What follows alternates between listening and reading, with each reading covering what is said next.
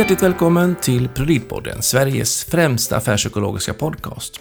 Det här är ett specialavsnitt där vi samarbetar med Sveriges HR-förening och möter talare och gäster direkt på plats under HR-dagarna 2018. Och som vanligt så är det jag som är Jan Blomström, affärspsykolog vid Prolid Ledarstöd, som möter drivna ledare och HR-experter som jag är extra nyfiken på.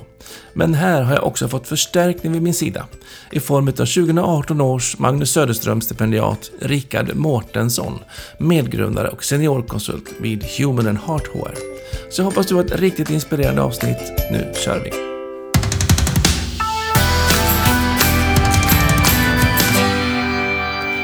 Ja, då säger jag hjärtligt välkommen till ProLead-podden, till ett helt skönt gäng studenter. Och då ska ni få presentera er själva lite snabbt. Så vi börjar där. Jag heter Annika Magnusson och jag läser ett masterprogram på Göteborgs universitet. Ja, Eh, Jag heter Michelle Russell, jag pluggar i Växjö till personalvetare. ja. Eh, Jag heter Linnea Hjalmarsson och jag pluggar andra året på personalvetarprogrammet på Södertörns högskola. Och jag heter Alexandra Engman och jag pluggar också andra året på Södertörns högskola på personalvetarprogrammet med inriktning psykologi. Härligt. Och jag som psykolog älskar ju när det blir inriktning mot psykologi. och en till också är jag. Ja, jag med. Ja.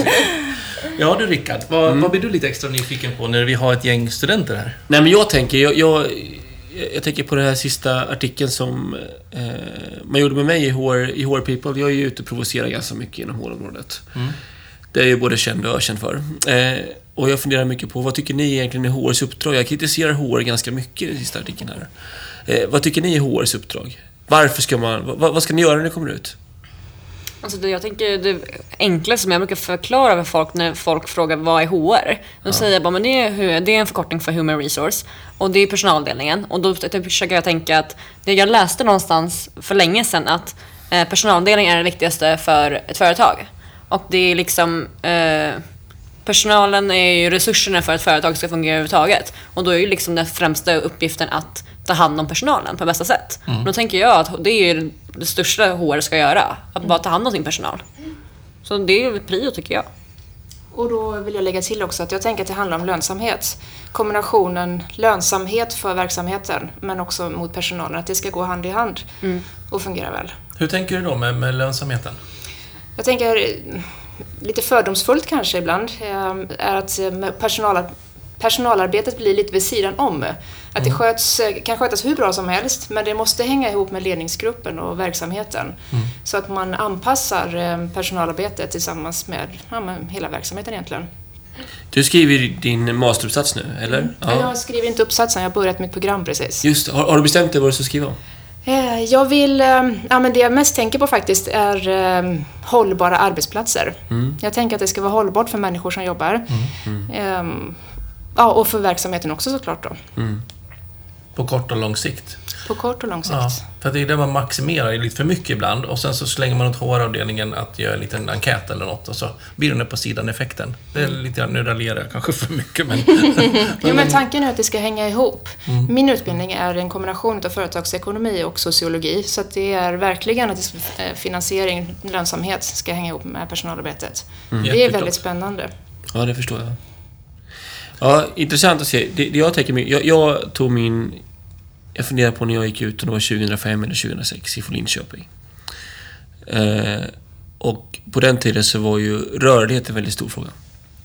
Eh, jag vet inte, vad, vad, vad pratar man om just nu i, på- i eh, studierna? Vad är den viktigaste frågan? Alltså något som vi pratar mycket om på Södertörn och även i psykologi är ju öppenhet. Alltså att arbetsplatserna behöver bli mer öppnare och att alla ska kunna få vara delaktiga. Precis som de pratade om nu på scenen här. Att vissa, tänkte ni på hur ni skulle komma in i den här salen? Nej. Och då sa hon på scenen att jo men det är nog många som tänker på det. För det är många som inte kommer in här. Till exempel de som sitter i rullstol. Så att väldigt mycket liksom kring att alla ska behandlas lika och att alla ska kunna medverka. Och öppenheten tänker jag också, den här transparensen, att inte ha dolda agendor. borde ju verkligen vara centralt. Ja. Och det är Ja. vi inne i jättemycket. Jag tänker att vi, vi, och jag funderar också mycket på att det är väldigt många i det svenska arbetslivet idag som inte mår bra. Eh, det finns ju mycket studier som visar på, vi har ju ja, 10 000 långtidssjukskrivningar varje år till människor som upplever sig, jag säger inte att de är det, men man upplever sig varit utsatt för mobbning i arbetslivet? I de här delarna? Är det, är det här sådana saker som man pratar om på utbildningarna idag?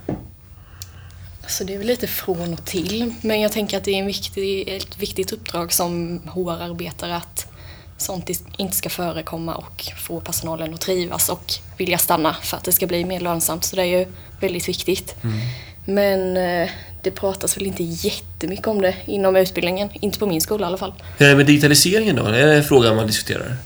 Eh, vi har haft ganska mycket föreläsare utifrån som pratar om sånt. Eh, ja, dig digitaliserade företag och så. Men eh, som sagt inte inom själva utbildningen. Har ni, har ni hört talas om den här Stefan Fölsters rapport utifrån en studie som kom som Ox- Oxford-studien där man tittar på eh, risken för att jobb ska automatiseras? Nej. Nej. Nej, det, det är en jättespännande studie. Jag ska kolla på våran bransch hur- vad man tror om oss. Finns vi Eh, kvar liksom om 20 år? Ja, och, och där säger då Stefan Fölster som har, som har översatt det här till, till eh, svenska mått menar att vartannat jobb i Sverige kommer att automatiseras inom 20 år. Och, eh, och lite roligt då, vilket jobb tror ni löper högst risk enligt honom att automatiseras? Gud, det är svårt. det finns nog många. Jag ska ge en liten, en liten, eh, en liten, vad heter det, hint då. Vi ska gå ner och titta på eh, vad man säger. I, den löper så mycket som... Sannolikheten att det blir automatiserat och tas över datorer de kommande 20 åren är, sannolikheten är 98 procent. Vilk, vilket jobb kan det vara? Alltså, inte personalvetare eller HR nu. Nej, det är fotomodeller. Fotomodeller. Oj! Spännande. Och vilken löper lägst risk då enligt den här studien? HR. Såklart det var. Nej, men HR löper nog ganska lite risk, beroende på vilket, vilken väg vi väljer. Nej, men det är de här yrkena som faktiskt jobbar med människor. När man tittar på... Eh, vi pratar om präster, om, om, eh, om speciallärare. Eh, man pratar om, om eh, specialister, psykologer löper väldigt liten risk. Och jag kan tänka mig, nu står vi inte Yes. HR precis men jag kan tänka mig att det ligger där omkring också. Genom fokus på människan just nu. ja. det, det är spännande.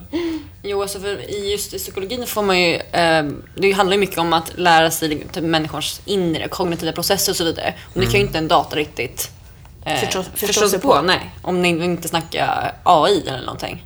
Och det är ju inte klart än. De är inte så avancerade. Nej, precis. Än. Men handlar, Än. handlar det inte också om det just med digitaliseringen i så fall, att man behöver förbättra alltså, uppgifterna som människorna har i så fall? Så att det blir mer speci- specialiserat, man kanske måste omutbilda sig och så att det blir mer anpassat ut efter digitaliseringen. Ja, för jag tror det öppnar ju upp nya möjligheter för oss som vi behöver nya kompetenser till. Så det, det är ju en av våra största utmaningar som jag ser att liksom, hur håller vi oss rörliga och fortfarande bli anställningsbara? Eh, både vi som, som HR också, om vi nu ska vara lite krassa till oss själva. Men, jag, jag har en knäckfråga. Får jag ta den, Jan? Nej. Jag, jag, gör det. jag gör det ändå. Jag, jag knycker den. Alltså, temat i år är ju kompetensförsörjning. Och det jag tycker är spännande, nu sitter vi med fyra stycken studenter. Och om vi ska skicka ut det här idag och, och eh, då är det ju väldigt intressant att höra vad, vad är det ni tänker när ni ska välja en arbetsgivare? Vad är det viktigaste eh, för att eh, acceptera ett jobb eller ta ett jobb hos en arbetsgivare? Jag tänker rent spontant, det var ju som du nämnde tidigare om att det ska vara hållbart liksom. Och det tycker jag, jag vill inte ha en arbetsgivare som när jag vet att det här lär ju gå åt helvete, inte sagt. Eh, Men så jag vill ju liksom veta att det här är någon jag kan stanna hos ett tag och jag, jag kan vara lojal och arbetsgivaren är lojal, lojal mot mig och så vidare. Så man kan se någonting, ja, som sagt, hållbart och liksom en framtid här. Så Det är- schysst, etiskt korrekt. Ja, liksom. precis. Ja. God eh, arbetsmiljö och schyssta chefer. Ingen som eh, kör över en eller utnyttjar en och så vidare. Vad säger, vad säger ni andra då? Jag tänker rent spontant sådär, baserat på min erfarenhet, att personlig kontakt är väldigt viktigt för mig.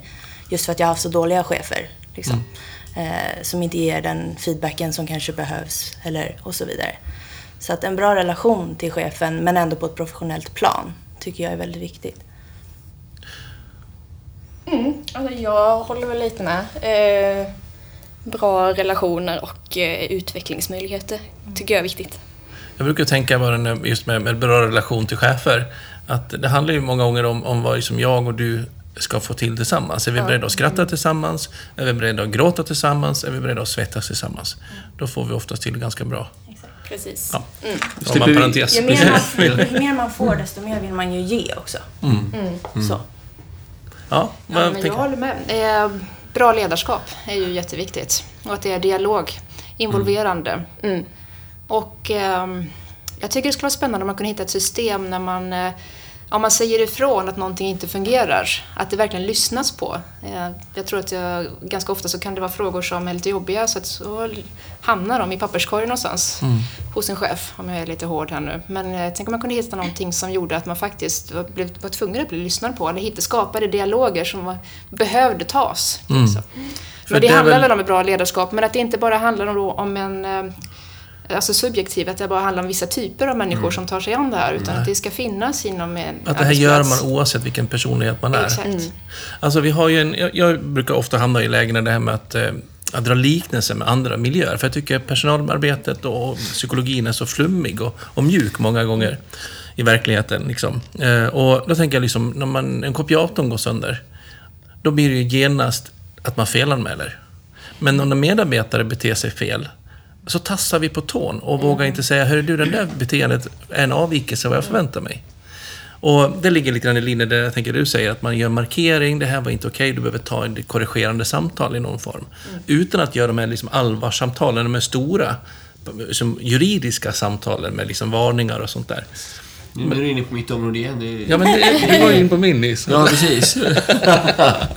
Jag vill också lägga till någonting. Jag jag går en internationell utbildning med studenter från hela världen. Ja. Och eh, så var det en av de svenska föreläsarna som berättade en episod och fick frågan utav en av de utländska studenterna, men hur löste du det här då? Ja. Gjorde du det the Swedish way? Och menade att man inte sa någonting, man Ja. bara lät, man bara tystnade ner och lät det vara. Åh, jag får gåshud när du säger det. Har, har ni några förebilder inom ledarskap eller inom HR som, som ni kan dela med er av till, till lyssnarna här ute? De ska ju utse årets HR-profil, årets HR-chef och... vad är det? Hjälp mig nu. Årets eh, HR-medarbetare. HR-medarbetare. Har, ni, har ni någon... Eh, Ja, det är svårt. Alltså jag, om jag ska vara helt ärlig så kan jag inte så jätte- jättemånga HR-profiler, så det är svårt att säga en. Eh, jag, ja, jag jag vet inte vad jag ska svara på den frågan om jag ska vara helt ärlig. Jag kommer inte på något enda namn just nu. är inte sagt. Så blir det när man sätter sig på pottkanten så här. En sak som jag tycker är lite roligt, för jag, vi är ju studentmedarbetare och Ja. jobbar med de som jobbar på Sveriges hårförening. Jag måste Ja. säga att alla de lovordar Manne faktiskt. Ja, Gör härligt. det så? faktiskt. Ja. Ja. Och man är då generaldirektören på Sveriges hårförening, Ja. för er som lyssnar. Mm. Man, eh, och efternamnet är Rickard? det är det varje. Precis. Hörrni, jättespännande. Och vi ska inte uppehålla er längre. Ni ska få gå tillbaka och fortsätta ert studentuppdrag här ute på HR-dagarna. Jättekul att vi fick låna in er. Tusen tusen tack tack. att ni kom. Tack, tack. Tusen tack själva. Tack, tack.